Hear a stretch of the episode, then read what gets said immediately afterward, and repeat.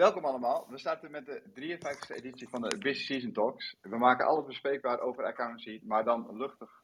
We delen ervaringen, tips en leuke verhalen. We blikken terug, kijken vooruit met studenten, accountants, bestuurders, toezichthouders en iedereen met interesse. Vorige week hadden Arif en Alex Fuxang, Peter Smit en Ries van Swol te gast. Een sessie over hoe het is om accountant te zijn bij organisaties van openbaar belang en wat de impact is van een raad van commissarissen bij accountantsorganisaties. Zelf ben ik werkzaam in het MKB, dus ik vond het erg interessant om de dynamiek van OOB door mij mee te krijgen. Uh, en ook de uitspraak van Foek dat de rol van bestuurder soms wel een eenzame rol is, heeft mij best aan het denken gezet na de sessie van vorige week. Vandaag staat in het teken van accountants binnen de Belastingdienst. Wat doet een accountant binnen de Belastingdienst? Met welke dilemma's heeft een accountant uh, in de, bij de Belastingdienst te maken? Maar ook de praktische zaken zoals het opleidingsprogramma binnen de Belastingdienst komen dadelijk te sprake. In de aankondiging hadden we opgenomen dat ik samen met Charlie de sessie zou hosten, maar helaas is Charlie ziek. Dus Charlie ook via deze weg nog veel beterschap. Maar gelukkig was Wendy bereid om met een hele korte voorbereidingstijd van slechts één dag samen bij de sessie te hosten vandaag. Dankjewel uh, Wendy, daar alvast voor. Vandaag zal uh, Alex de sessie, uh, de sessie muzikaal aftrappen en daarna zullen we het gesprek met onze gasten aangaan. Na een half uur zullen we de sessie openzetten voor onze luisteraars. Maar wil je daarvoor al een vraag stellen, dan kun je uiteraard gebruik maken van de chatfunctie. Wendy, mag ik jou het woord geven om onze gasten van vandaag te introduceren? Yes, dat mag zeker. En het was inderdaad wat kort dag, maar tegelijkertijd is het ook wel thuiskomen met mijn oud-collega's van de Belastingdienst. Dus ik stel jullie ook graag voor aan, nou allereerst Suzanne Overet, hoofd landelijk vaktechniek bij de Belastingdienst en ook bestuurslid bij de faculteit van de MBA Ethiek, Cultuur en Gedrag. Welkom. Dankjewel. Hi. Dan hebben we Ronald de Bruin, uh, lid van MT bij grote ondernemingen en onder andere verantwoordelijk voor de accounts en opleiding. Ook welkom. Dankjewel Wendy. En dan hebben we ook Jatin Sharma, onze jong professional accountant en opleiding, ook bij de Belastingdienst. En je geeft ook les bij Nijrode, begreep ik. Yes, dankjewel Wendy. Ook van harte welkom. En zoals Leo al weggaf, we beginnen met de muzikale opening van Alex. Nou ja, Alex, take it away zou ik zeggen. Dankjewel. I work all night, I work all day. Pay the bills, I have to pay. Ain't it sad? Still, there never seems to be a single penny left for me. That's too bad. And in my dreams, I have a plan. If I got me a wealthy man, I wouldn't have to work at all. I'd fool around and have a ball. Money, money, money must, must be, be funny in a rich man's world. Money, money, money, always sunny in a rich man's world.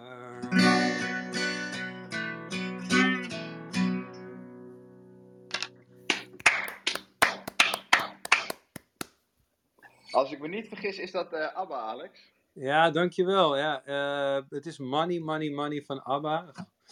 Goedenavond iedereen. En uh, het is een, een knipoog naar hoe vaak de Belastingdienst wordt gepercipieerd. en vandaag gaan we weer zien, juist weer zien hoe, wat voor mooie zaken de Belastingdienst doet. En dat de Belastingdienst veel meer is dan een instantie die belasting int. Dus laten we er weer een mooie sessie van maken.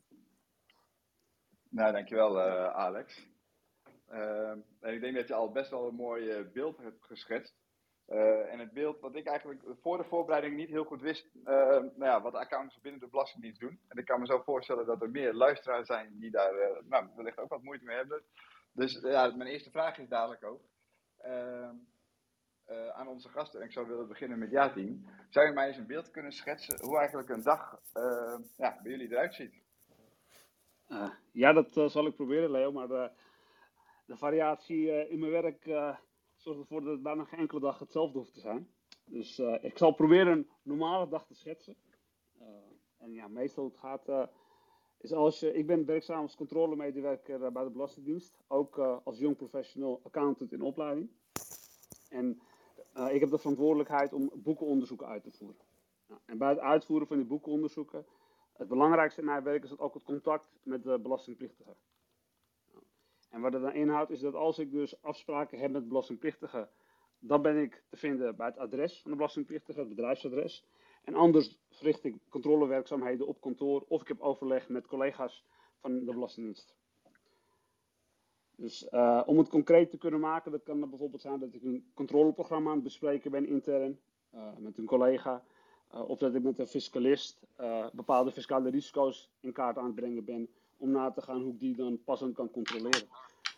Ja, en, en een controleprogramma, is dat ook vergelijkbaar met wat je dan leert tijdens je praktijkopleiding of tijdens je master bijvoorbeeld, postmaster? in het openbaar beroep of ziet dat er heel anders uit? Ja, dus de, de, de, systematiek, de fases, hè, wij volgen hetzelfde als de openbare accountant. Het enige dat we andere nadruk hebben in ons controleproces. En met nadruk bedoel ik dan dat wij kijken naar de fiscale risico's die wij zien. Uh, dus zoals de opdrachtaanvaarding, de cliëntaanvaarding. En vervolgens daarna hebben we dan uh, de planningsfase. En dan na de planningsfase hebben we de uitvoeringsfase en dan ronden we af. En bij de afrondingsfase. Nou, die fases hebben wij ook. Het is alleen dat we mhm. andere accenten hebben. En een mooie vergelijking die ik altijd vind, is dat we eigenlijk bijna altijd een initiële audit hebben. Nee, kun je dat wat meer uitleggen wat dat betekent? Ja, dus bij een belastingplichtige, uh, de meeste collega's van mij het openbare beroep, uh, bij een nieuwe klant hebben ze dan een initiële audit, want ze kennen de klant nog niet. Gaan ze meer aandacht en tijd besteden aan hun cliënt en om de, de risico's in kaart te brengen die er spelen voor de verantwoording. En bij ons vaak is dat als wij een, als ik een boekenonderzoek krijg, uh, dan is dat vaak een nieuwe belastingplichtige. Nou, en in het proces hè, van, van de planningsfase om de belastingplichtige te leren kennen, kijken we dan ook naar wat de accountant eventueel heeft gedaan, de openbare accountant. En zodoende gaan, gaan we dan ook soms langs bij een openbare accountant om een inzage te hebben in het controledossier. Nou, dus, en waarom is, het, waarom is relevant? Want uh, de ervaring of de werkzaamheden van de accountant, die zelf al vaker is langs geweest bij een klant, kan ons helpen om ons werk efficiënter en effectiever te doen. Dat is ook bij ons beschreven in ons uh, controleaanpak Belastingdienst. Het, het, het daarvoor is het schillenmodel. Maar het komt er kort op neer dat als de accountant al heeft gekeken naar een bepaald risico, bijvoorbeeld volledigheid omzet, dan gaan wij kijken in hoeverre het werk van die accountant het risico voor ons ook dekt. En als het niet genoeg dekt, dan gaan wij aanvullende werkzaamheden verrichten. Ik uh, probeer kort en krachtig te zijn, Leo, maar het is, uh, een uitdaging. ja, ja, dat snap ik heel goed. Snap ik heel goed. Komen we dadelijk nog wel even, uh, gaan we dadelijk nog wel even door, denk ik. Susanna, zou jij eens een beeld kunnen schetsen met hoe jouw dag eruit ziet? Ja, tuurlijk. Graag zelfs. Uh, ja, Wendy benoemde het al, al hè. ik heb een rol in de, in de vaktechniek. En uh, dat betekent dat ik aan de ene kant, uh, nou ja, samen met een, een, een, collega en een team van regionale coördinatoren probeer om uh, de kwaliteit van de controles bij de Belastingdienst op een hoog niveau te houden. Um, en anderzijds ook dat we proberen om nieuwe ontwikkelingen ook te vertalen naar nou ja, de aanpak binnen, binnen de Belastingdienst. Ja, en dat zorgt voor een, ja, ook een heel veel, veelzijdige uh, werkpakket eigenlijk. Um, waarbij ik uh, eigenlijk ontzettend veel aan het, uh, aan het overleggen ben. Ook met, uh, met collega's, maar ook met mensen die buiten de Belastingdienst werkzaam zijn. Um, en ik merk dat daarbij geen dag hetzelfde is eigenlijk. Ik zit ook nu even mijn agenda te bekijken van, goh, wat heb ik vandaag eigenlijk gedaan? nou, om daar even een inkijkje in te geven. Ik heb vanochtend met een collega gesproken over uh, nieuwe internationale ontwikkelingen. Hè. We, we, merken ook dat uh, nou ja, Europa hè, heeft ook invloed op, uh, op de belastingdienst. We hebben allerlei uitwisselingen van gegevens, dat noemen we DAX. En DAC 8, DAC nummer 8 is aanstaande. Dat gaat over de uitwisseling van gegevens rondom cryptovaluta. en daar hebben we vanochtend, vanochtend bij stilgestaan. En um, nou ja, dan proberen we te bekijken wat, dat, ja, wat de invloed gaat zijn daarop op de Belastingdienst en hoe we zaken nu georganiseerd hebben en wat we nog moeten doen om, uh, nou ja, om aan die uitwisselingsverplichting te kunnen, te kunnen gaan voldoen. Um, en uh, daarna, vanmiddag heb ik gesproken over het, het horizontaal toezicht bij, uh, bij fiscaal dienstverleners. Um, nou, Jatin gaf al aan, hij werkt bij, bij MKB. Uh, we hebben veel meer afdelingen binnen, binnen de Belastingdienst. Hè. Naast uh, eh, MKB hebben we ook uh, grote ondernemingen, hè, waar Ronald ook regio-directeur is. Ja. Um, En ehm, eh, nou ja, eh, klanten, hè, grote ondernemingen, maar ook klanten eh, uit het midden-kleinbedrijf die kunnen eh, deelnemen aan eh eh, horizontaal toezicht via fiscaal dienstverleners. Ook een onderwerp, denk ik, waar we nou ja, mogelijk ook later vanavond nog wel bij stilstaan. Ja, en, en Susanne, je zegt eh, eh, net een aantal begrippen, waaronder horizontaal toezicht. Eh, dat zie je wel eens vaker terugkomen. Zou je dat ook eh, uit kunnen leggen? Wat dat betekent? Eh, ja, zeker. Ja. Eh, dan gaan we het eigenlijk hebben over hoe wij. eh, en wij zijn als Belastingdienst natuurlijk een, eh, een uitvoeringsinstantie. Hè, want wij, wij voeren eh, wet en regelgeving eh, uit. Hè. De wetgever maakt de wet en wij voeren hem uit. En ehm, eh, ja, daarbij eh, zie je dat we eigenlijk eh, heel Nederland als klant hebben. Jatin noemde net even klantacceptatie. Nou, iedereen is eigenlijk een klant bij ons, tussen aanhalingstekens. En ehm, ja, we hebben dan wel ja, ook de verantwoordelijkheid om op, op al die klanten, hè, dat zijn particulieren, maar dat zijn ook, ja, is ook het midden-kleinbedrijf en die grote ondernemingen, ja, daar een stukje toezicht op te houden. En dat doen we met behulp van de, een, een handhavingsaanpak. Eh, hè, waar we, eh, nou, we hebben het nu over controles. Hè, dat is een, een onderdeel van een aanpak waarbij we eh, achteraf eigenlijk gaan controleren of de aangifte juist en, en volledig is. Maar in die handhavingsaanpak, om, om toezicht te kunnen houden op dat hele palet aan belastingplichtigen, zitten veel meerdere, veel andere soorten handhavingsinstrumenten noemen we dat dan. Hè, je kunt denken bijvoorbeeld aan een stukje dienstverlening, om ervoor te zorgen dat mensen ehm, nou ja, automatisch het, het, het, goede invullen. Ehm, een stukje communicatie hoort daar natuurlijk ook bij. Uh, maar we hebben daarbij ook het horizontaal toezicht. En het horizontaal toezicht uh, betekent eigenlijk dat we met, um, met onze klanten, met belastingplichtige grote ondernemingen, afspraken maken. Waarbij we ja, eigenlijk de verantwoordelijkheden verdelen. Hè? Dus de, de, dan zeggen we de klant is verantwoordelijk om, het, uh, om een, uh, een ja, fiscaal juiste aangifte te doen. En ervoor te zorgen dat hij zijn organisatie zo inricht dat hij die aangifte ook kan doen. En wij zijn verantwoordelijk voor toezicht. En uh, binnen horizontaal toezicht werken we dan op basis van begrip, vertrouwen en transparantie samen. Waarbij, ja, als de klant het goed inricht, wij eenvoudiger kunnen terugtreden in ons toezicht. Dus waarbij wij nou ja, op dat moment ons toezicht op een andere manier in, inrichten. Ja, interessant. Dus dat meer overleg aan de voorkant en uiteindelijk een beter kwaliteitsstelsel aan de kant van, zoals jullie dat noemen, de klant. Belastingplichtige. Ja, zeker. Ja. ja. Hmm. Nou, laten we dadelijk uh, nog even uh, uh, praten over waarom het een klant genoemd wordt. Maar Ronald, wellicht voel je al aankomen. Ja. Of, jij, of ik ook even wil vertellen wat ik, wat ik zo, doe, zo al doe op de, in de, per dag. Nou, exact. Ja, nee, dat is goed. Ik vond, ik vond wel aardig dat Suzanne naar haar agenda ging kijken. Dus ik denk, nou, dat doe ik dan ook maar eens voor vandaag. Hè. Uh, uh, ik ben leidinggevende van een, van een regio, dat doe ik samen met een collega. Wij hebben ongeveer 500 medewerkers. Dus wij hebben iets van 20, 22 teamleiders. En zo aan het eind van het jaar hebben we natuurlijk met al die teamleiders beoordelingsgesprekken. Wij noemen dat dan GCR-gesprekken, gesprekscyclus Rijk. en daar heb ik er vanochtend twee van gedaan. En dat heb ik toevallig gedaan met vakgroepcoördinatoren, omdat ik daar ook leidinggevende van ben binnen mijn regio. Uh, dat zijn gesprekken van een uur waarin we terugkijken naar hoe het jaar gegaan is, wat er goed gegaan is, of de plannen gehaald zijn, wat we volgend jaar gaan doen. Ehm, nou, leuke gesprekken. Ik heb hele goede vaco's en teamleiders, dus geeft me altijd wel energie om zo'n gesprek te voeren. Daarna heb ik een gesprek gehad met, met twee collega's over de steekproef grote ondernemingen 2023-2024 die we gaan uitvoeren bij 100 middelgroot klanten. Daar zijn we nu bezig met de planning en hebben we nog allerlei vragen te beantwoorden als van, nou ja, wat voor surveys gaan we uitzetten bij klantcoördinatoren, controleleiders en, en de belastingplichtigen. En wie gaat die surveys dan vervolgens beoordelen? Nou, daar horen ook 100 boekenonderzoeken bij. Ehm, daar heb ik het voor, de, voor de lunch over gehad. Dan moet ik je eerder bekennen dat ik natuurlijk ook nog wel eventjes wat heb zitten doorlezen ten behoeve van deze bijeenkomst. Hè? Want je wil het toch altijd toch wel een beetje prepareren. En daarna heb ik nog een gesprek gehad over de planning van de directie Groot Over 2023, de, de, de, tijdplanning. Eh, en gekeken wat daar voor bijzondere dingen in zijn, waarvan we dan bij collega's van mij nog gaan vragen, joh, ligt dat nog eens toe, want dit snappen we niet. Of je valt hier uit, uh, uit, de, uit, de, uit de benchmark, uh, ligt het eens toe. Dat ga ik volgende week in de directieoverleg bespreken. We zijn met 15 regio-directeuren bij elkaar voor heel groot oog.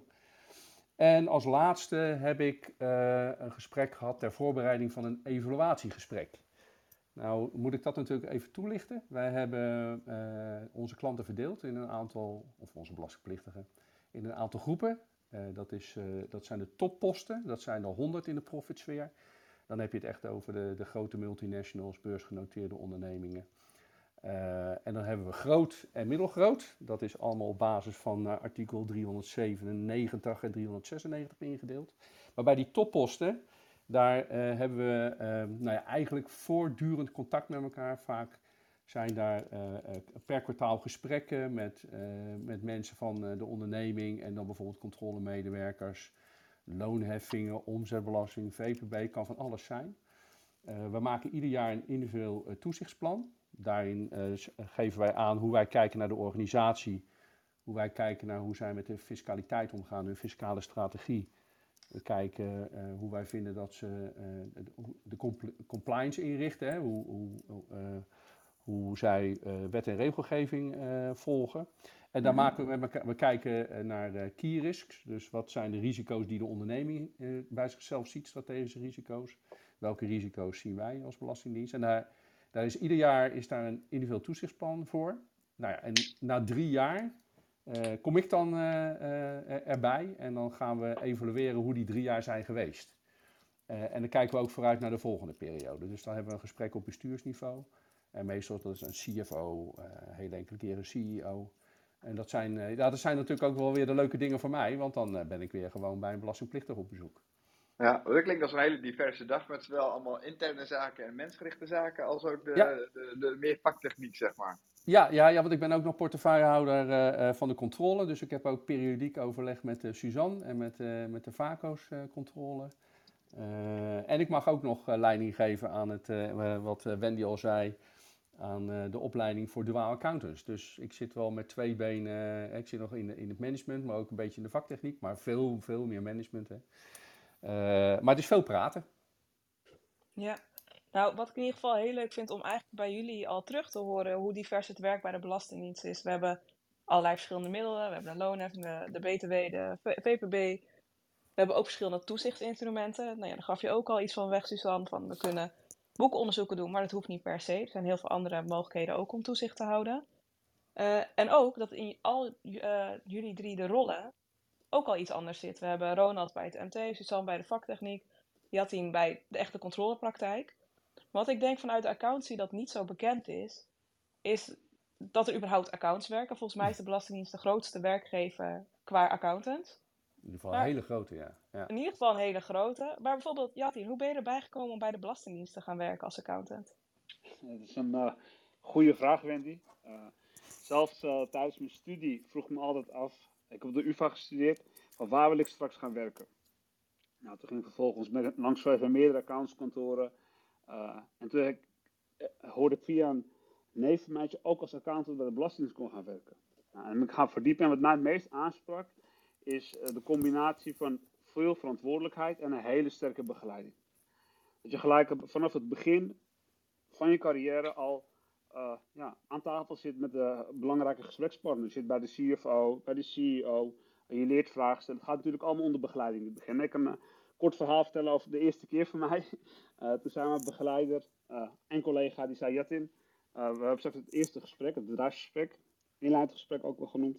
En het zou fijn zijn als jij de, ja, deze onderwerpen zou willen bespreken. Nou, ik voorbereid en ik ben gewoon eerlijk, spanning. Hè, dat heb je gewoon de eerste keer. Je gaat daar naartoe, je zit gelijk aan tafel met ja, de verantwoordelijke voor de financiële administratie. maar dat vond ik juist het leukste bij de Belastingdienst. Dat je gelijk al in het diepe wordt gegooid om ervan te kunnen leren. En dat je ook de kritische feedback krijgt van je begeleider. Van oké, Jatin, misschien handig als je de volgende keer op deze manier aanpakt. En voor, voor mij dan een mooie ervaring, dus drie jaar daarna, hè, nu kan ik die gesprekken ook zelfstandig voeren. Dus dat, is, dat was voor mij echt de belangrijkste reden om te kiezen voor de Belastingdienst. Uh, en daarnaast ook ja, de variatie. Er is zoveel uh, zoveel mogelijk binnen de, Belastingdienst. En er wordt ook de ruimte gegeven als je ernaar vraagt. Dus dat waren voor mij de twee belangrijkste redenen. Ja.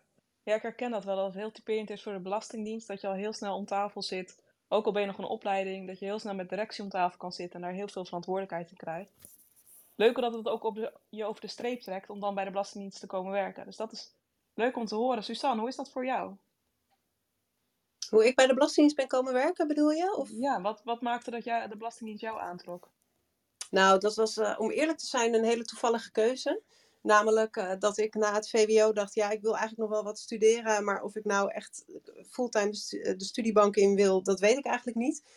En um, toen zag ik toevallig een advertentie voorbij komen van een, uh, een accountantsopleiding bij de Belastingdienst. En ik had een hele leuke leraar economie. Dus ik zou eigenlijk iets van economie die kant op uh, willen studeren. Toen dacht ik, oh, nou, dat is eigenlijk helemaal mooi, want dan kun je werken en leren. En uh, dat sprak mij heel erg aan. En toen dacht ik, nou, en weet je, ik solliciteer een keer, want dan heb ik dat ook eens geprobeerd. Um, en ik dacht, nou ja, weet je, je hoeft daar natuurlijk ook niet altijd te blijven werken. Hè? Je kan ook daarna gewoon weer ergens anders gaan werken. Maar inmiddels werk ik gewoon wel twintig jaar. Dus het, is, uh, het was een, een soort van toevallige keuze, maar het is me wel uh, tot nu toe ontzettend goed bevallen. Ja, en volgens mij, Suzanne, ben je niet eens de, een van de collega's die hier nou het langst werken. Want wat is de gemiddelde tijd dat collega's bij de Belastingdienst werken? Ronald, ah, ja, dan, uh, dan moeten we eigenlijk even naar Ronald natuurlijk. Want die gaat ja. volgens mij in de inleiding al weg zelf dat hij 61 is. Ja. En volgens mij werkt Ronald al heel lang ook bij de Belastingdienst. Want ik hoor Ronald ook wel eens zeggen... Misschien moeten we nog wat leren van hoe we het vroeger deden. Ja. Uh, dus, nou ja, 20 jaar is inderdaad, ik denk dat dat zomaar, uh, nou wat zou het zijn, Ronald, de gemiddelde leeftijd dat mensen bij ons werken? Nou, ik, ik heb op het ogenblik wel heel veel uh, koffiegesprekken met mensen die 25 jaar of 40 jaar, zelfs een paar weken geleden iemand die 50 jaar bij de Belastingdienst werkt. 50 ja. jaar? Ja, 50 jaar. Ja. Hij, is nu on, hij is nu overigens weg, hè, want er is een tijd geweest, dan mocht je kiezen om langer te blijven werken. Dus hij is, hij is tot zijn 70ste doorgegaan. Zou je hem overigens niet, zou hem niet geven, hè? dat uh, vond ik altijd wel heel mooi. Uh, maar dat heb, ik, dat heb ik pas twee keer meegemaakt dat iemand 50 jaar bij de Belastingdienst uh, werkte. Ik werkte zelf 39. Ja. Ah, ik denk dat we zitten wel vrij hoog, maar we krijgen heel veel nieuwe jonge aanwas. Dus volgens mij daalt onze gemiddelde leeftijd en daalt ook de gemiddelde diensttijd bij ons. Ah, dat is interessant dat je het zegt. Want als we het hebben over de accountancy wat breder, dan hebben we het toch wel vaak over de aantrekkelijkheid van beroep over hoe lastig het is om nieuwe jonge accounts aan te trekken, om studenten aan te trekken. Hoe ervaren jullie dat bij de Belastingdienst? Nou ja, dat is inderdaad wel een, uh, dat is wel een vraagstuk. Uh, uh, kijk, ik ben zelf verantwoordelijk voor duaal accountancy trajecten. Dat is een van de, de poorten waardoor mensen binnen kunnen komen. Dat is in ieder geval ook wat volgens mij Suzanne heeft gedaan. Ik ooit ook in een heel grijs verleden, maar daar heb ik het over 1984. Uh, toen hadden we ook zo'n opleiding. Um, en, en, ik moet zeggen, het afgelopen, ja, durf bijna te zeggen. Het afgelopen jaar uh, hebben wij maar 16 mensen geworven, die dan in uh, augustus zijn begonnen met de opleiding. Dat zijn 10 mensen van het VWO en 6 mensen die al een bachelor hebben, die van de HBO afkomen. en dat is in de loop van de jaren wel minder geworden. Ehm, en, nou ja, dus wij hebben nu in ieder geval besluit genomen om de salarissen op te trekken van die mensen die naar die eigenlijk uh, uh, twee of drie jaar studeren. Dat is, uh, dat is nu net gedaan in augustus. En ook als mensen verder komen in het traject, bieden we ze een, een andere schaal aan. Dus een, met betere vooruitzichten mocht je de opleiding toch niet afmaken. Um, maar ja, de vijver wordt kleiner. Ja. En daar zitten hele grote vissers in. met een hele grote aas aan hun hengel. En, en, en ik heb maar een klein aasje. Uh, dus, dus ik zit voor mezelf nu wel, en daar ben ik uh, over in gesprek binnen de Belastingdienst. Ik wil me meer focussen op mensen die van het VWO afkomen. Ja. Want daar heb ik minder concurrentie van de, de grote accountskantoren dan bij de HBO'ers. Ja. Nou, daarnaast hebben we. Sorry. Nee, vertel, je was nog niet. Ja, klaar. daarnaast hebben we nog instroom van mensen die verder in, in de opleiding zijn. of die al afgestudeerd zijn. Dat zijn er ook niet heel erg veel. Maar ik zie wel een tendens waarin er mensen na een aantal jaar kiezen om gewoon bij de Belastingdienst te werken. Eén, denk ik omdat ze het leuk werk vinden. En ik denk ook dat onze uh, werk-privé-balans uh, misschien wat beter is dan bij uh, openbare accountants. Ja, ik kan, je gaf aan het salaris gaat iets omhoog. En daarmee mm -hmm. hoop je dan langer je mensen te behouden. Misschien zelfs ook meer mensen aan te trekken. Ehm, ik had hier ergens in de aantekeningen staan dat op de, op de website van de Belastingdienst staat: nergens heeft jouw maatschappelijke rol als RA meer belang bij, dan bij de Belastingdienst. Merk je dat dat ook nog trekt? Nou ja, het, het, het heeft. Ik moet zeggen, ik ben ook toevallig eh, eh, bij, eh, bij de Belastingdienst terechtgekomen. Omdat een klasgenootje van mij met een advertentie kwam. En ik dacht, kom, laat ik eens solliciteren. Hè. Dus, eh, en, en ik ben eigenlijk gegaan voor, nou, dat is, eh, dat is verdraaid mooi zeg. Hè. Dan kan ik lekker doorstuderen. En ik krijg eh, betaald. En eh, nou ja, eigenlijk net als Suzanne, dan kijk ik daarna wel wat ik ga doen. Maar het is zo'n aantrekkelijke werkgever. Je kunt zoveel eh, dingen doen. Ik ben, daarna heb ik nog postdoctorale IDP-opleiding gedaan. Ben toen teamleider geworden. Daarna ben ik directeur geworden van een regio. Ehm, en, en ik vind het wel belangrijk dat we een maatschappelijke rol hebben. En ik, eh, ehm, maar goed, weet je, een accountant heeft ook een maatschappelijke rol hè, als, je, als je bij de Ja. public werkt. Maar ja, goed, het is een advertentie, hè, dus we moeten natuurlijk proberen mensen te lokken. Eh, ja. ja, zo- simpel is het natuurlijk ook nog een keer. Eh, eh, maar, maar het is wel belangrijk werk, want wij zorgen natuurlijk met elkaar, en overigens natuurlijk ook de accountants en de adviseurs, dat, dat wij een financieel gezond en, en veilig Nederland creëren met elkaar. Door eerlijk en zorgvuldig belasting te heffen en te innen. Dus Ja. dat, is wel, eh, dat, ja, dat is wel onze taak. En, en ik vind het wel mooi dat ik daar een bijdrage aan kan leveren. Ja, dat kan ik me voorstellen. En als we dan toch, als we nu merken die vijver wordt kleiner en het is lastig om mensen aan te trekken. Je gaf al aan, dit jaar waren het er Mhm. 16, zei je? Ja, ja, ja. Dat, is- ja, dat Ik wilde er wat 60, beperkt. dus je Ja, nagaan, hè? precies. Ja. Maar merk je nou dat, dat de beperktere instroom dan ook invloed heeft op de manier waarop je toezicht houdt? Ehm, nou ja, het is, het is handhavingsregie. Eh, Suzanne eh, eh, zei dat net al. Dus we maken keuzes en we hebben veel meer handhavingsinstrumenten. Wat we natuurlijk willen is eigenlijk dat, en ik kijk dan even specifiek naar Groot O, waar ik dan nu werk. Dat als bedrijven met vraagstukken zitten of ze willen een, iets doen en ze kijken naar de fiscaliteit daarvan, dan hebben we graag vooroverleg met elkaar. Dus dat is al een belangrijk handhavingsinstrument.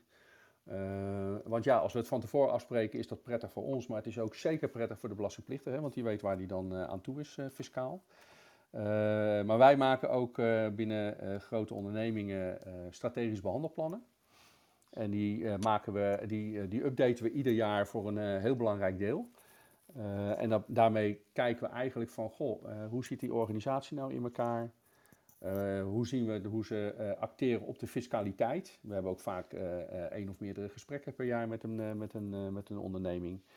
En hoe kijken wij naar hoe zij met de compliance omgaan? En op basis daarvan maken we een strategisch behandelplan. En dan gaan we eigenlijk met elkaar afspreken van wat, gaan we met deze, bela- wat zouden we met deze belastingplichtige dit jaar willen doen? Zijn er bepaalde aspecten waarvan we zeggen, nou het zou goed zijn als daar een controle is? Of goh, hey, wij, wij, wij hebben iets eh, eh, besproken in het vooroverleg of we hebben iets gezien en het lijkt ons handig om, ehm, om eh, vanuit de heffing daarnaar te kijken. Maar we steunen natuurlijk ook op werkzaamheden van de anderen. En volgens mij zei Jat in het net ook al. Hè. We hebben natuurlijk ook gewoon accountants die al eh accountantswerkzaamheden doen bij entiteiten, bij klanten. Ehm, en eigenlijk is de controle is een, een sluitpost. Dat is natuurlijk ook heel duur. Ehm, dus je moet er goed over nadenken wanneer je dat inzet.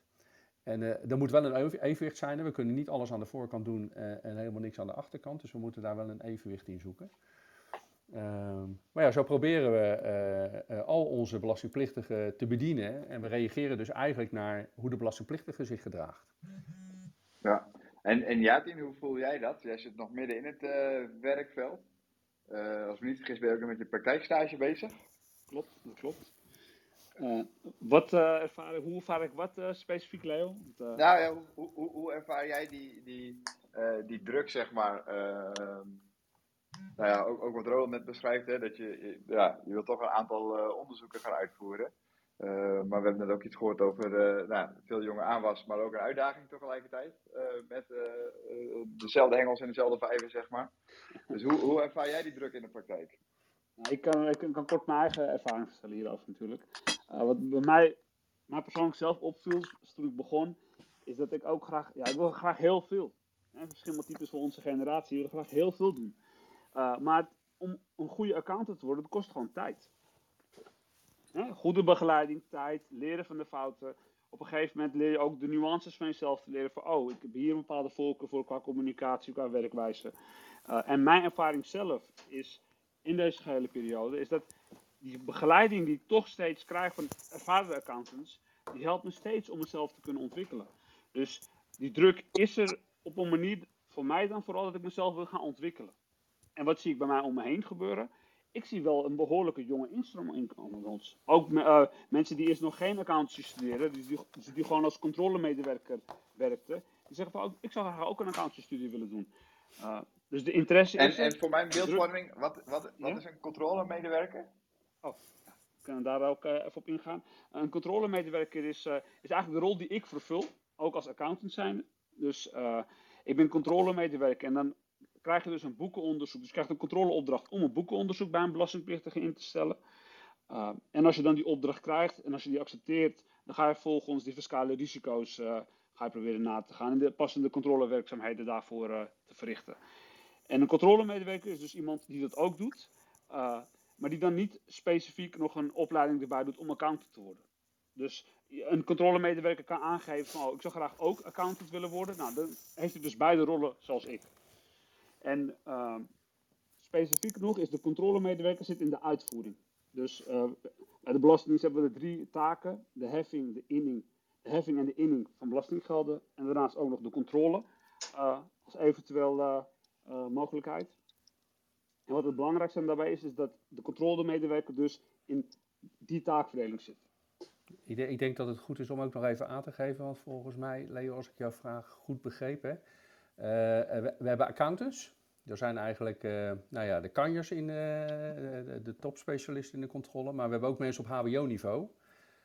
en dat zijn ook gewoon controlemedewerkers. Dus we hebben eigenlijk van, en we hebben, we hebben ook nog een aantal op MBO-niveau. Dus we hebben eigenlijk op ieder opleidingsniveau hebben we controlemedewerkers. En afhankelijk van het opleidingsniveau krijg je natuurlijk ook werk toebedeeld.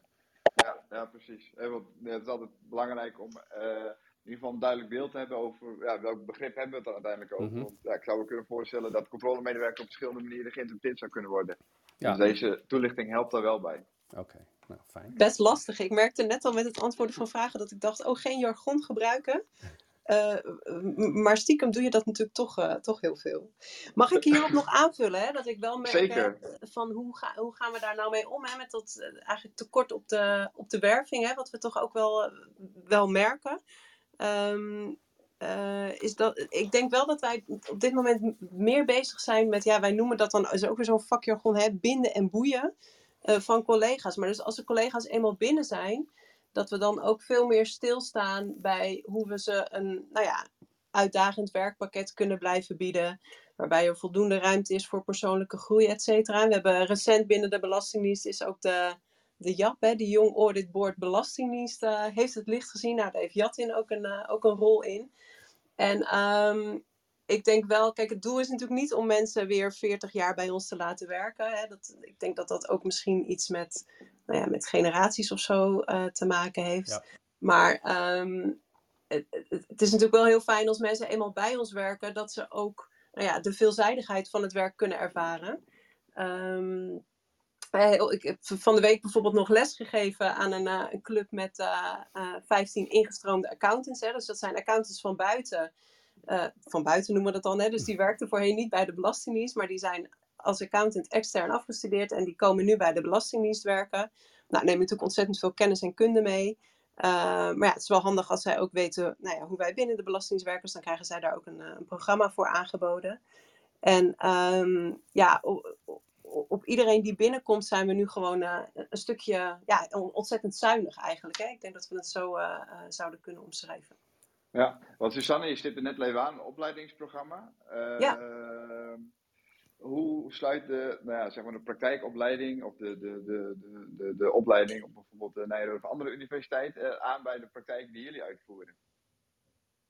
Ja, nou wij hebben een, een controleaanpak belastingdienst. Hè. Jatin verwees er al naar. Uh, en we hebben ook een handboek controle. In de controleaanpak staat eigenlijk wat we doen. En in het handboek controle staat hoe we dat doen. En um, ehm, het handboek is gebaseerd op de, op de NV-KOS. Hè, dus we- we- dat maakt het ook mogelijk dat eh, eh, studenten bij ons gewoon de praktijkopleiding eh, kunnen volgen. Eh, en ook aan alle vereisten kunnen voldoen die de, de praktijkopleiding daar, daaraan stelt. Beantwoordt dat een beetje je vraag? Of? Jazeker. Oh, ik dacht dat er nog wat achteraan kwam. Sorry. Ja, ik kan, er nog, ik kan er nog heel lang over doorgaan. Als je dat wilt, doe ik dat gewoon hoor. Maar, eh, Maar we hebben Nee, ook ons eigen, ons eigen stagebureau, hè? stagebureau Accountancy Rijksoverheid, eh, die er ook voor zorgt dat het eh, op elkaar aansluit. eh, met Ja. eh, volgens mij ook nog transponeringstabellen. Ehm, en omdat ik in die opleiding zit, ehm, eh, of tenminste leiding geef aan die opleiding, zit ik ook in het bestuur van het stagebureau. En dat doen we ook samen met de ADR en de gemeentelijke accountantsdiensten. Dus bijvoorbeeld ook Carla Slotema, die een aantal sessies terug het over de ADR en de eh, gemeentelijke eh accountantsdienst had. Die, die kom ik ook regelmatig tegen als we een bestuursvergadering hebben. Ja, nee, helder. Eh, en, en Jatin, eh, nog één vraag eigenlijk over, je had het net over heffing, inning en controle van belastinggelden. Ja? Ehm, maar hoe lastig is het om bij, eh, zoals jullie dat zo mooi noemen, eh, klanten eh, aan de juiste informatie te komen? Duidelijk. Eh, nou, ik zet, zet nog even terug om terugkomen op de eerdere vraag, Leon. Ik kan het mooi samen oppakken. Is uh, bij onze opleiding, hè, die, die we krijgen op de universiteit, hebben we natuurlijk met name te maken met de commerciële verantwoording. Mm. En uh, daar is de openbare accountant ook natuurlijk de vraag van, heb ik genoeg controleinformatie? Uh, nou, en die vraag hebben wij ook, maar dan alleen met de fiscale risico's uh, in ons achterhoofd. Ja. Dus uh, terwijl ik, als ik dan zo'n controle uh, aan het uitvoeren ben en ik merk dat ik niet genoeg controleinformatie heb om een uh, betrouwbare beslissing te kunnen nemen voor mijn oordeel, dan ga ik nu ja, welke andere mogelijkheden hebben we? Zelf hebben we ook vanuit de AWR de mogelijkheid om het derde onderzoek bijvoorbeeld in te stellen. Dan kan je bij andere betrokken partijen, bijvoorbeeld een leverancier, waarbij een belastingplichtige inkopen doet, kan je gaan vragen naar informatie. Uh, dat is een, vind ik zelf een sterk middel, hè, als de noodzaak ertoe is, om na te gaan of de, uh, of de informatie uh, betrouwbaar is en wellicht ook volledig.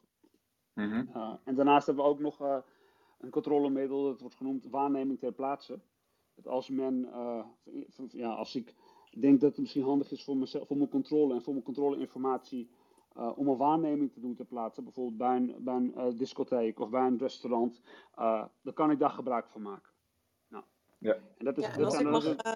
aanvullen, Jatin, hè, we merken wel ook dat, ja, net al, eigenlijk ook als binnen de, volgens mij de externe accountiepraktijken, dat ja, communicatieve vaardigheden, hè, dus goede gesprekstechnieken ontzettend belangrijk zijn om ook je, ja, de juiste controleinformatie op te halen. En um, daar zijn we de afgelopen jaren hebben we daar ook nog meer in geïnvesteerd in de, in de, de opleidingen tot uh, nou ja, de controlemedewerkers, zoals uh, Jatin en Ronald dat net uh, beschreven. Ik vond het ja, een aardig, aardig voorbeeld voor waarneming ter plaatse, hè, voor, voor zover jullie dat misschien gezien hebben. Een tijdje geleden, ik denk dat het nu een jaar geleden is of zo, is er een, een keer een uitzending geweest over een controle bij een restaurant. Uh, en daar uh, heb je ook daadwerkelijk kunnen zien hoe die waarneming ter plaatse ging. Hè? Want die collega's zijn ook gewoon in het restaurant gaan eten. Hebben gekeken hoe alles werkt en dergelijke. Dus, dus ik weet niet of het nog, nog terug te kijken is. Dat was een uitzending dat iemand meegelopen is met de Fiat. Maar dan kun je zien hoe, hoe zoiets in zijn werk zou kunnen gaan. Ja, tof. Ja, en dan hebben we het echt over de instrumenten die, die of tenminste controlemethodes mm-hmm. die je kan aangrijpen. Wat ik ook nog wel herken als accountant, ja, zien de klanten die ook niet altijd graag komen. Je stelt lastige vragen. Uh, je bent niet altijd eens met beslissingen die in de organisatie gemaakt worden en het kost ook nog wel tijd. Ja, namens de Belastingdienst is dat natuurlijk niet veel anders. En daar komt ook nog eens bij dat je onverwacht komt. Het is niet een jaarlijks terugkerend fenomeen. En het kan nog ook nog wel eens verdomd veel geld kosten op het moment dat je een fout gemaakt hebt. Dus als je het hebt over soft skills, hoe, hoe, hoe verhoud je ten opzichte van die belastingplichtigen? bijvoorbeeld, uh, Jatin, kan je daar iets over je eigen ervaring over vertellen? Dat is een uh, heel, heel goed punt en een vraag, Wendy. ik moet zelf nu opeens gaan terugdenken aan een eigen moment bij de les economie. Ehm, toen had een docent een keer uitgelegd van ja, waar hebben we nou eigenlijk belastingen voor? Nou, en het idee van een taart en een taart moet eerlijk en gelijk verdeeld worden. En dat is voor mij ook echt een belangrijke reden geweest om te gaan werken bij de Belastingdienst. Want ja, we hebben gewoon zoveel faciliteiten die daarmee betaald en geregeld worden. En dat is voor mij dan ook als ik bij zo'n belastingplichtige kom en er komt bijvoorbeeld een correctie uh, uit het onderzoek naar voren, uh, om daarover in gesprek te gaan. Want er speelt vaak veel meer, als er iets niet goed is, er speelt vaak veel meer dan alleen de correctie. En afhankelijk van de situatie die daar is, wat Ronald eerder ook al noemde, responsief handhaven, proberen te snappen wat er dan wel niet goed is gegaan en dan daar duidelijke afspraken over te maken. Ja, maar en wat voor rol kan je daar uiteindelijk in hebben als controlemedewerker of als accountant bij de Belastingdienst? Want uiteindelijk ben je daar om de juiste aanslag op te leggen, om te zorgen dat de juiste cijfers daar komen. In hoeverre kan je ook echt helpen dan in zo'n situatie? Het is, uh, ja. ja. het is... Oh, sorry. Ja. het, is, het is, want als er een correctie is, dan is er eigenlijk, hè, wat eerder is aangegeven, was dus niet juist. Dus dat hadden Ja. ze eigenlijk al moeten betalen. Want stel dat ik een controle instel bij een restaurant en ik eh, co- constateer dat ze daar te weinig belasting hebben betaald, dan eigenlijk hebben ze een oneerlijke concurrentievoordeel ten opzichte van de anderen. Dus dan, Ja. dan, dan, dan past het erbij om daar gewoon duidelijke afspraken over te maken. En als het een of duidelijke fout is, dat ook gewoon gaan corrigeren. En Ja. het belangrijk is om te begrijpen, vind ik, of tenminste om te snappen, is eh, mijn werk zelf. Want ik ben geen fiscalist van huis. Ik ben een accountant in opleiding. Ik weet op hoofdlijnen waar de risico's zitten en daarover ga ik in gesprek met mijn fiscale collega's. Dus in die samenwerking wordt dan bepaald wat een passende eh volgstap is. Ja. En Suzanne wilde wat aanvullen, hoorde ik, dus ik denk ik. eh, Ja, ik, ik wil ook nog wel wat aanvullen. Want ik, Ja, ik denk dat een, een belangrijke doelstelling van de, van de Belastingdienst is uiteindelijk het bereiken van compliance. Hè? Dus dat onze klanten zoveel mogelijk vrijwillig aan hun ja, fiscale verplichtingen eh, voldoen. En ehm, eh, Wendy, wat jij schetst klopt, hè? dat het natuurlijk soms best lastig is om als belastingdienst, accountant of medewerker ergens naartoe te gaan. Je wordt daar ook niet altijd met open armen ontvangen. Maar er is wel uit onderzoeken ook gebleken dat, ja, dat procedurele rechtvaardigheid, hè, noemen ze dat. Maar dus dat is eigenlijk, nou ja, even vrij vertaal ik dat met van ja, hoe voelt, hè, hoe, hoe voelt de klant of de organisatie zich behandeld eh, in het gehele proces. Dat dat heel erg belangrijk is uiteindelijk voor die compliance. Hè. Dus ook al kom je met eh, vervelend nieuws. Het is heel belangrijk dat je dat op een, een, een goede manier eh, brengt. Hè? Dus dat je doet wat je zegt, dat je zegt wat je doet, dat je je houdt aan eh, de algemene beginselen. En nou ja, op, die manier proberen we wel ook ehm, nou ja, het, het, het voor de organisatie ehm, ja, beter te maken, zeg maar. Ja. ja, mooi. En dat is ook wel waar Maarten Siglee wat onderzoek naar gedaan heeft, hè, hier en daar. Over hoe zorg je dan inderdaad dat je, dat je daar wel ook die, meer die compliance eh, bevordert. Ja, want Ja. hè, dat, dus dat het is uiteindelijk een eh, belangrijke doelstelling, dat ja. is volgens mij het onderzoek Groot O, hè, eh, eh, waar we volgens mij eh, al een paar keer over eh, gepubliceerd hebben en waar Maarten inderdaad eh, mee bezig is en nog steeds mee bezig is. Hè. En eh, in, in dat onderzoek, dat wetenschappelijk onderzoek, willen we nu ook die steekproef 2023-2024 eh, gaan meenemen die we bij eh, Groot O gaan instellen. Dus het is eigenlijk een soort continu onderzoek. En Ja. ik vind het ook nog wel even belangrijk om aan te geven eh, eh, eh, dat het natuurlijk twee kanten op kan gaan hè, als we op controle zijn. Het kan zijn dat de belastingplichtige wat fout gedaan heeft wat in ons nadeel is. Maar evengoed kan het zijn dat de belastingplichtige wat fout gedaan heeft in zijn nadeel. En dat krijgt hij dan ook gewoon terug. Hè? Het gaat om de aanvaardbare aangifte. Dus dat, dat, dus dat kan allebei de kant op gaan. Het is niet zo dat wij erop uit zijn om eh, altijd maar eh, correcties voor onszelf binnen te halen. We kijken of de aangifte aanvaardbaar is en daar komt wat uit. En daar hebben we een gesprek over. Eh, en en daar, daar, daar trainen we onze mensen ook op. Maar ook als het, eh, eh, eh, als het de fout van de belastingplichtige is in zijn nadeel, is het natuurlijk hartstikke fijn als wij langsgekomen zijn, want dan kan hij het in het vervolg goed doen. Ja. Hoe vaak zie je dat Sterker, ten opzichte van de correcties in het nadeel van de belastingplichtige? Ja, ik daar, heb- heb, daar, daar heb ik niet zo'n beeld van. Misschien dat Jatin daar wat meer beeld van heeft. Nou, ik werd toen, toen ik nog begon, toen was ik eh, verrast over oh, dit hoor. Ik dacht van, oh, daar heb ik nooit aan gedacht. Vaak het negatieve helaas, hè, van een correctie, daar schrikken mensen van. Maar ik heb dus ook meegemaakt, in het begin al, eh, dat er gewoon, eh, met name voor de omzetbelasting is het dan, dat zaken niet goed zijn verwerkt in het nadeel van belastingplichtigen. En dat is ook gewoon een bevinding. Dus dat deel ik dan ook gewoon met belastingplichtigen van, van eh, eh, let u hierop, dit is niet goed verwerkt. Dus dit zou zo verwerkt moeten worden in de aangifte. En dan vervolgens wordt het meegenomen. Ik denk ook dat het Ja. wel uitmaakt hoe groot zo'n belastingplichtige is. Hè? Eh, Kijk, er zit natuurlijk een enorm verschil tussen de grote ondernemingen waar mijn directie verantwoordelijk voor is, ten opzichte van de kleine ondernemingen waar MKB voor verantwoordelijk is en waar misschien er twee mensen werken en een boekhouder of een adviseur. Uh, daar, daar kan het makkelijker misschien fout gaan als uh, bij die hele grote, omdat die natuurlijk uh, gewoon een goed stelsel van interne organisatie en beheersing hebben. Ja, dat klinkt... Ja, je ziet ook dat onze controleaanpak eigenlijk ook, dat is ook gericht op het ja, zo snel mogelijk goedkeuren. Hè? dus het, het, het Um, nou ja, dan gaan we wel wat de diepte in, hè, maar voor de mensen die dat interessant vinden, die kunnen bijvoorbeeld die controleaanpak Belastingdienst er eens bij pakken. Hè, dat het, we proberen eigenlijk, nou ja, als we een onzekerheid hebben in de aangifte, daar met belastingplichtigen gaan we daar natuurlijk over in gesprek. En dan vragen we hem ook van, joh, kun je ons dan laten zien waarom, waarom je dit op een goede manier uh, verwerkt hebt. Hè? Dus ook die aanvliegroute is denk ik ook wel belangrijk in deze discussie. Ja. Ja, dat geeft wel iets aan over de mindset waarmee je dan die controle... Zeker. Ja. In de meantime is de chat los. Nou, los. We hebben een aantal vragen die ik graag ook wil delen. En ik zou de rest van de luisteraars... Feel free om even je hand op te steken of een vraag in de chat te gooien. We hebben allereerst de vraag van Benjamin. Benjamin, dankjewel. Uh, hij vraagt zich af, binnen het openbaar accountsberoep wordt vaak gestuurd op budget. In hoeverre speelt dit een rol bij de Belastingdienst? Ja, dat is een goeie, dat is een goede vraag. Uh, ja, we hebben natuurlijk eigenlijk geen uh, budgetten. Uh, ja, we hebben wel een budget uh, om de te houden, maar niet per onderzoek. Jatting gaf het net al aan, hè, we maken een controleplan, dus daar begint het eigenlijk. En dan probeer je afspraken te maken over van hoeveel tijd denk je nodig te hebben voor dat boekenonderzoek. Daar ga je over in gesprek met je leidinggevende of met een vaktechnische coördinator. En dan ga je aan de slag. En als er dingen zijn die ervoor zorgen dat je meer tijd nodig hebt, dan ga je weer met elkaar in gesprek van oké, ik, ik, ik zou eigenlijk dit nog wel willen onderzoeken. Ik denk dat ik daar zoveel tijd voor nodig heb. En iedere keer maak je eigenlijk zo'n beslissing. Gaan we dat wel doen, gaan we dat niet doen? Uh, maar het is puur in uren. En we kunnen uren natuurlijk maar één keer uitgeven.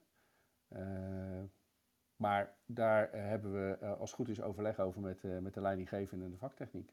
Maar ik kan me wel voorstellen dat er wel ergens een, een plan moet zijn. Omdat je ook een beschikbaar aantal mensen hebt. En een beschikbaar aantal onderzoeken wil gaan doen. Dus hoe, hoe monitor je dat? Nou, we proberen natuurlijk op basis van de capaciteit die we hebben, eh, proberen we aan te geven hoeveel boekonderzoeken we denken te kunnen doen. en daarnaast kunnen er ook projecten zijn, hè? dus bijvoorbeeld zo'n steekproef bij grote ondernemingen, die doen we ook bij MKB. En die moet gewoon gedaan worden en daar hebben we een soort gemiddelde van, hoeveel uren dat gaat kosten. Maar misschien kan Jatte het nog verder toelichten. Hè? Ja, ik denk dat ik al wat extra kan vertellen. Want als er inderdaad een controleopdracht wordt uitgegeven, zoals Ronald net, beschreef, er zit er een indicatie van het aantal uur bij. En dat heeft te maken met de complexiteit en de omvang van belastingplichtigen. En dan komt hier het onderdeel van die opdrachtacceptatie bij. Krijg ik een controleopdracht aangeleverd, kijk ik ernaar, kijk ik van, oh, is dit een realistische tijdsbesteding? Dat is altijd een schatting vooraf, want we weten niet exact hoeveel het gaat kosten. En afhankelijk van die inschatting accepteer ik of ik ofwel die opdracht, of ik geef aan bij de opdrachtgever, bij mijn collega, van kan je misschien meer uren hieraan toedelen vanwege reden A, B, C.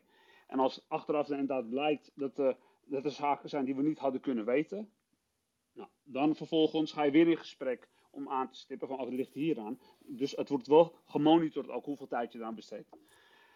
Dus vanaf, uh, en wat mijn ervaring zelf is, is dat je, je bij aanvang vaak een op hoofdlijnen inschatting maakt. En dat die inschatting duidelijker wordt na de planningsfase. Want dan weet je met name van, oké, dit heb ik zelf gezien, dit zie ik zelf als, als fiscale risico's. Dit heeft de accountant gezien als risico's voor de verantwoording. Uh, ik zie hier het rest aan werkzaamheden om het risico af te dekken. En ik verwacht zoveel dagen ter plaatse te zijn om die werkzaamheden uit te moeten voeren. Nou, en dan ja. vervolgens, als je dat zo inplant, nou, dan heb je die uitvoerbaarheid van zo'n controle uh, in kaart gebracht. En dat is dus anders dan de openbare praktijk, want als je daar de, de tweede of de derde keer weer komt, dan heb je al zo'n periode doorlopen. En dat maakt het inschatten wel, en het kan uitdagend zijn in sommige situaties. Ja, dat kan ik me goed voorstellen. En welke middelen gebruiken jullie zeg maar, om die tijd te verkorten? Welke innovatieve ideeën gebruikt de Belastingdienst om een controle efficiënter in te kunnen richten? Zou je daar iets over kunnen zeggen? Uh, ik denk zelf uh, aan mijn eigen ervaring. Eén is die inzage in, de controledossiers van de, van de openbare account. Ik noem het toch even hoor, uh, Leo.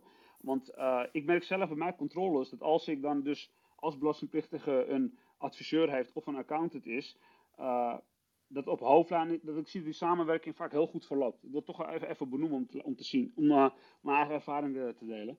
En Ja. uh, qua, qua innovatie, wat ik zelf zie, is. Uh, ik zit nu bij MKB, dus dan probeer ik mijn, mijn klanten, bij, of mijn belastingplichtigen een beetje beeld te brengen.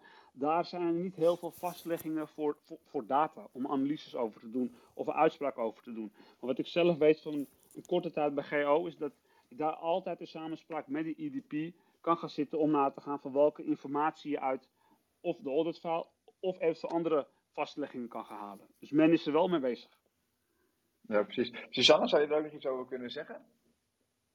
Ja, ik denk dat we. Oh, over die innovaties, hè? Uh, um, ja. Doel je dan op, hè? Ja, ik denk dat we, we zitten natuurlijk midden in een discussie ook over uh, hè, data, gebruik van data. Hè? Welke data um, mogen we gebruiken? Welke data willen we gebruiken? En hoe kunnen we die dan vervolgens ook uh, gebruiken? Welke waarborgen zitten daar omheen?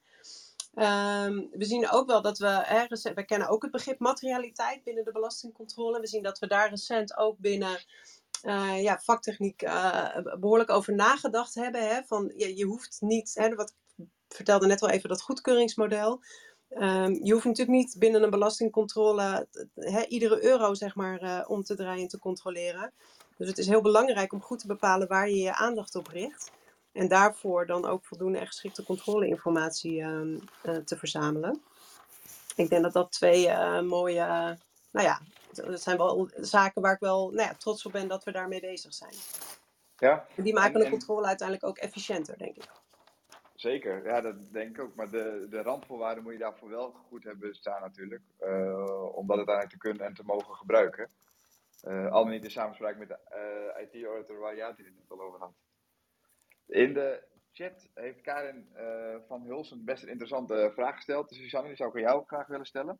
Hoe zit het met een verrassingselement in de controle als je vooraf afspraken maakt in het kader van horizontaal toezicht? Ja, horizontaal toezicht spreek je inderdaad van. Wat belangrijk is, is bij horizontaal toezicht is dat de, uh, uh, de klant zaken waar hij nou ja, van aangeeft dat er mogelijk discussie over bestaat, dat hij die in vooroverleg met de Belastingdienst bespreekt. Uh, en verder, nou ja, dat, hè, dat is ook een van de werkzaamheden van een accountant, hè, dat hij ook kijkt hoe het monitoringssysteem van een, een klant in elkaar zit. Uh, het is niet zo dat we binnen horizontaal toezicht nooit meer een controle uitvoeren. Als wij als Belastingdienst een risico zien waarvan we vaststellen dat, dat de organisatie dat niet heeft afgedekt, um, ja, dan kunnen wij besluiten om daar zelf een controle uh, voor uit te voeren. Uh, maar Ronald refereerde ook al aan de, de steekproef hè, die we doen. Dus dat we ook at random belastingplichtigen selecteren. En het is ook belangrijk om ook bij horizontaal toezichtposten ook, nou ja, die daar ook in mee te laten lopen. Om ook vast te stellen, ja, eigenlijk te valideren dat onze aanpak uh, uh, werkt. Uh, dus ja, of dat nou per se een verrassingselement is, dat weet ik niet. Hè, want we proberen daar natuurlijk wel gewoon transparant over te zijn. Hè, dat we op controle komen, et cetera. Ja. ik weet ook niet of er per se een verrassingselement in moet zitten. Of dat nou helemaal passend is. Daar zou ik zo over na moeten, moeten denken. Uh, ik denk dat we als overheid ook daar vooral transparant uh, uh, over zijn. Ja, dus daar zit je echt op een spanningsveld. transparantie of ja, wel de element of surprise. Of, sorry, het verrassingselement. Ja, binnen een controle kan dat natuurlijk, als dat nodig is, hè, dat is dat responsieve handhaven. Hè, dus als dat nodig is, kun je natuurlijk altijd, uh, nou ja, bijvoorbeeld hè, met zo'n, uh, een, uh, nou ja, ook een WTP kondigen we trouwens in, in de regel gewoon netjes aan. Um, ik, ja, ik denk dat dat gewoon passend is binnen de rol van, van de toezichthouder, dat je daar transparant over bent. Ja. En een WTP is een waarneming ter plaatse, toch? Zo? Sorry, ja, dat is weer zo'n jargonnetje. Ja, heel goed. Ja, Wendy, goed. Ja, dankjewel. Ja. Um, ja, Tien, we hebben het straks nog even gehad over hoe lastig het is om aan juiste informatie uh, te komen. Ja. Uh, tijdens het vooroverleg hebben we ook wel even gesproken dat de Belastingdienst, uh, net als veel overheidsinstanties, best een makkelijk doelwit is om over te schrijven en niet altijd positief. Uh, welke impact heeft dat voor jou als, als professional binnen de Belastingdienst? Want je kan je ook moeilijk verweren eigenlijk. Ja. Zou je daar iets over kunnen zeggen? Ja, dat herken ik. Het is altijd uh, natuurlijk niet leuk om te horen als er dingen gebeuren die eigenlijk gewoon helemaal niet mochten gebeuren. Uh, maar ja, als organisatie uh, zie ik ja, iedereen probeert ervan te leren en, en het te herstellen. eh, hoe ik er zelf mee omga, eh, het raakt me. Want eh, het is persoonlijk natuurlijk, wil je niet dat negatief nieuws, ja, dat, dat het er is. En dat het Ja. mensen persoonlijk ten nadele brengt. Maar wat mijzelf, ja, ik, ik maak soms deze opmerking als ik lesgeef, is van als je een accountant bent, is het, is het belangrijk om een rechte rug te hebben. En als je op feestjes bent, er worden de vragen aan je gesteld van, oh, kan jij me helpen bij een belastingaangifte? Of kan je me helpen met dit? Hoe, hoe, die, die vragen krijg ik standaard en dan moet ik helaas antwoorden van, ja, dat eh, is handig als je een adviseur eh, benadert daarvoor. Uh, Mhm. Maar ook als ik, ik als accountant bij de Belastingdienst merk dat het nog, nog een extra laag kan krijgen. En wat ik dan zelf uh, zie is als je er onderling over spreekt, als je ervaringen deelt, is dat men herkent uh, dat het vaak komt van ja, niet een goed begrip van wat er nou echt he heeft plaatsgevonden. Uh, en ook als ik uh, gesprekken aanga met belastingadviseurs of met accountants, uh, openbare accountants, die snappen, die, die, herkennen dat gevoel vooral. Omdat ze zelf ook vaak natuurlijk signalen richting hun krijgen. Dus, dus ja, in het kort, ja, veel over praten. Dat is het, ervaringen delen en proberen van de zaken die niet goed, goed gaan, daarbij zelf nagaan van oké, hoe kan ik dat verbeteren? En kort en krachtig, voor mij is dat transparant zijn over hoe ik werk, afspraken nakomen en vervolgens ja, leveren. Uh, Ronald, als, als leidinggevende van, uh, van team grote ondernemingen? Ja, wij, wij uh, krijgen natuurlijk als leiding uh, ook wel signalen, soms van medewerkers, nou ja, dat er naar gekeken wordt van, ja, maar wacht eens even, jullie als Belastingdienst. En het is goed om die verhalen aan te horen, luisterend oor te hebben, eventueel een tip te geven. We hebben ook nog allerlei mensen, maar ja, dan, dan zou het wel heel zwaar zijn. Hè? We hebben nog bedrijfsmaatschappelijk werk, vertrouwenspersonen. Maar er, zijn wel wat medewerkers van mij die, uh, die bedreigd zijn, die soms aansprakelijk gesteld worden. daar gaan wij altijd als werkgever achter staan. dus wij nemen dan eventuele verplichtingen op ons. We zorgen ook voor ondersteuning, maar dat, dat gaat dan wel heel ver. En er is recent bij een van onze medewerkers op een sociaal medium nou, flink naar hem uitgehaald. En dan gaan wij ook gewoon in gesprek met degene die dat doet. Dus we gaan altijd achter onze medewerkers staan.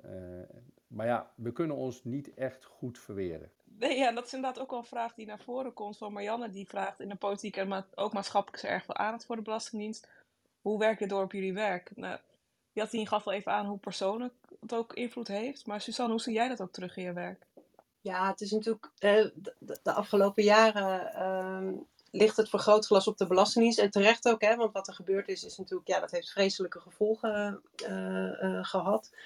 Um, maar, en het is inderdaad tegelijkertijd ook heel ingewikkeld, hè, want um, je wordt gezien als één belastingdienst. Vaak word je zelfs gezien als één overheid. Hè, dus het onderscheid tussen de wetgever en de uitvoerende instantie die we zijn, die wordt eigenlijk, nou ja, lastig gemaakt vaak in het, uh, in het publieke debat.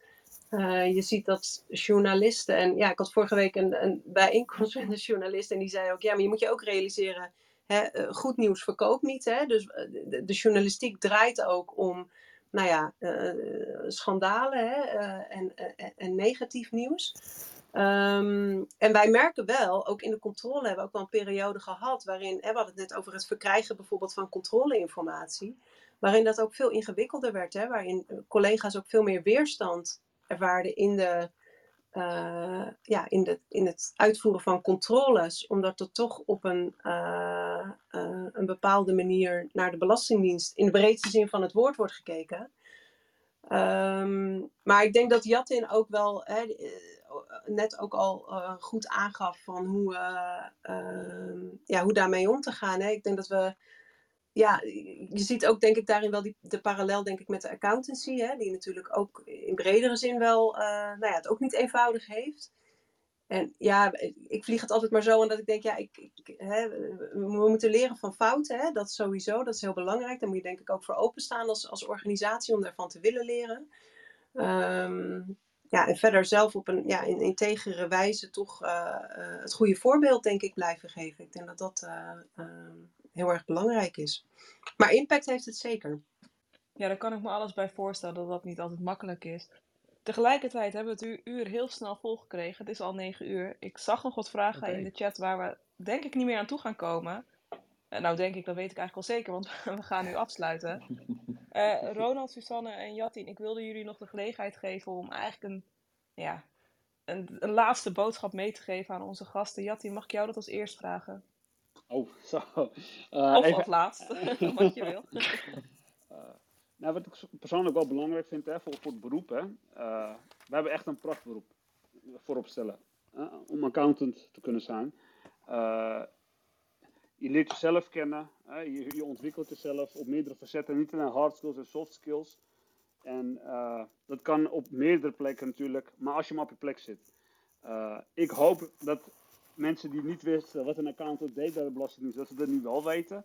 Uh, en ja, mocht iemand daar ooit vragen over hebben.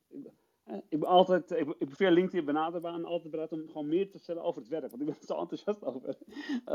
want je ziet gewoon heel veel. En of het bij ons is of openbare praktijk. Maar ik ben blij met deze platform in ieder geval. Dat we nu een platform hebben om zulke zaken te bespreken.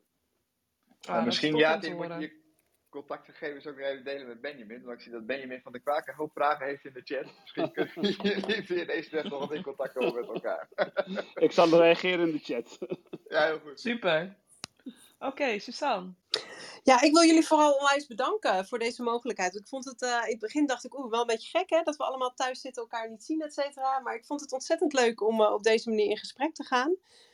Um, dus uh, heel veel dank daarvoor. Ik ben wel heel benieuwd ook nog naar de vragen die nu in de chat zitten. Dus daar ga ik nadat we de uitzending afgesloten hebben zeker nog even naar kijken.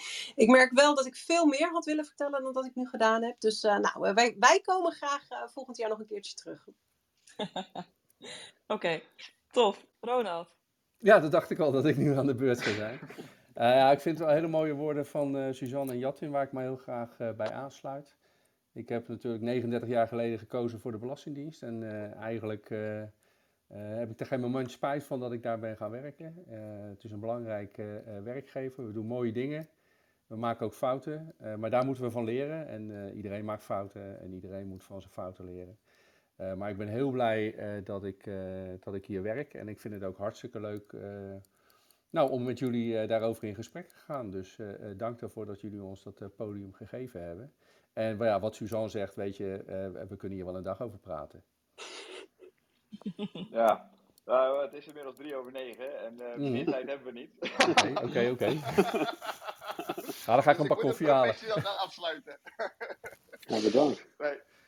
Uh, ik zie Alex onmute. Wil jij nog iets delen, Alex? Nou, ik wilde alleen dank zeggen, want het is toch uh, er zijn heel veel misverstanden vaak ook over ja, de rol van de Belastingdienst. En ik denk dat deze sessie bijdraagt aan uh, empathie, samenwerken uh, en, en het laten zien van de vele facetten van de accountancy en, en, en de Belastingdienst. dus een mooie sessie weer. muchos gracias. Dankjewel, Zeker. Alex. Nou, daar sluit ik weer bij aan. En, nou, ik heb een veel beter beeld inderdaad ook wat jullie als accountants binnen de Belastingdienst doen. Dus via deze weg ook dank Ronald, dank Suzanne en dank Ja-team en alle deelnemers voor jullie aanwezigheid en inbreng. ook de luisteraars bedankt. En dan niet alleen voor deze sessie, maar ook voor het luisteren naar de goed beluisterde podcast eigenlijk. Want we zien daar ook echt stappen in terugkomen. Dat vinden we heel leuk. Volgende week staat in het teken van de actualiteiten binnen de accountancy. Dus graag tot dan en voor nu een hele fijne avond. Fijne avond, dankjewel. Fijne avond. Hoi, hoi. hoi, hoi.